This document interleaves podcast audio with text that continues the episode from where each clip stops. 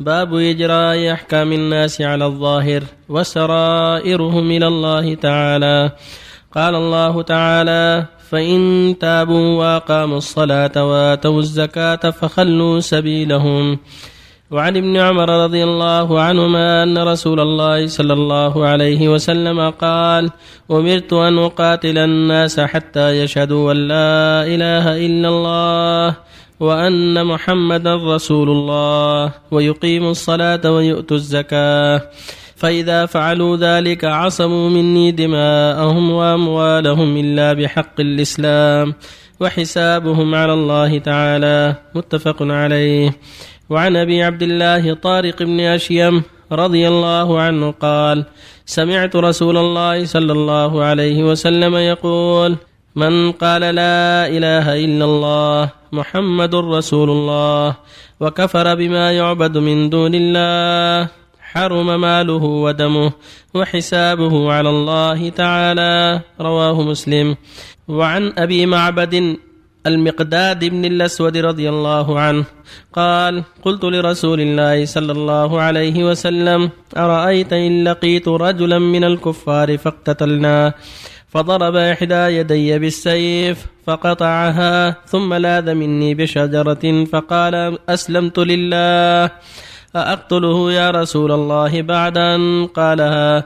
فقال لا تقتله فقلت يا رسول الله قطع إحدى يدي. ثم قال ذلك بعدما قطعها. فقال لا تقتله فإن قتلته فإنه بمنزلتك. قبل أن تقتله وإنك بمنزلته قبل أن يقول كلمته التي قال. متفق عليه.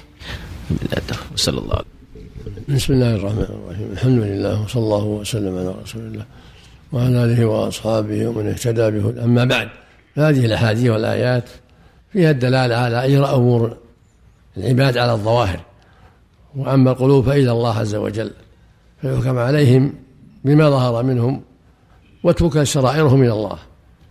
إلا إذا أظهروا من السريرة ما يدل على خلاف الظاهر وإلا فالأصل أنهم مؤاخذون بما أظهروا إلا من عرف من عرف نفاقه. قال الله تعالى فإن تابوا وأقاموا الصلاة وآتوا الزكاة خلوا سبيلهم. وقال تعالى فإن تابوا وأقاموا الصلاة وآتوا الزكاة فإخوانكم في الدين. ونفصل الآيات لقوم يعلمون. فبين جل وعلا أنهم متى أظهروا أمور الإسلام فهم إخواننا ويخلى سبيلهم ولا يفتح عن قلوبهم إلا إذا أظهروا النفاق. إذا تبين نفاقهم صار لهم حكم المنافقين وهكذا قوله صلى الله عليه وسلم في حديث أن أقاتل الناس حتى يقولوا يشهدوا أن لا إله إلا الله وأن محمدا رسول الله ويقيموا الصلاة ويؤتوا الزكاة فإذا فعلوا ذلك عصموا دماءهم وأموالهم إلا بحق الإسلام وحسابهم على الله. من أظهر أمور الإسلام فحسابه على الله يكف عنه لا يقتل. وهكذا حديث المقداد في سؤال عن من قطع إحدى يديه ثم لاذ بشجرة وقال أسلمت لله أو قال أشهد أن لا إله إلا الله هل أقتله؟ فنهاه النبي عن قتله. وأخبر أنه متى قتله؟ فهو بمنزلته قبل أن يقول ما قال. يعني فهو حلال الدم وعيد شديد. فالواجب الحذر من ذلك. متى أظهر التوحيد والإيمان؟ أرسل دمه. وهكذا حديث أسامة بن زيد قصة الذي لحقه فلما أهوى إليه ليقتله قال لا إله إلا الله. فقتله أسامة. فقال له النبي صلى الله عليه وسلم لما سأله صلى الله عليه وسلم لما سأله أسامة قال أقتلته بعدما قال لا إله إلا الله؟ قال نعم يا رسول إنما قالها تعوذا. قال هل شققت عن قلبه؟ حتى تعلم أنه قالها تعوذا؟ انكر عليه قتله بعدما أظهر التوحيد والإيمان. وهذا في حق من من لا يقول لا إله إلا الله ولا يشهد أن لا إله إلا الله. وأما من يقولها وهو يعبد القبور وأصحاب القبور هذا ما تنفعه. ولو قال يستتاب فإن تاب وإلا قتل يستتاب عن عمله. كان يعبد الأموات يستغيث بالأموات أو بالأصنام ويقول لا إله إلا الله ما تنفعه لأنه ينقضها بأفعاله. ولا بد يدع أعماله الشركية. وهكذا حديث طارق بن أشم النبي أن النبي عليه الصلاة والسلام قال من قال لا إله إلا الله وكفر بما يعبد حرم ماله ودمه وحسابه على الله. في اللفظ الآخر. من وحد الله وكفر بما يعبد من الله حرم ماله ودمه وحسابه على الله.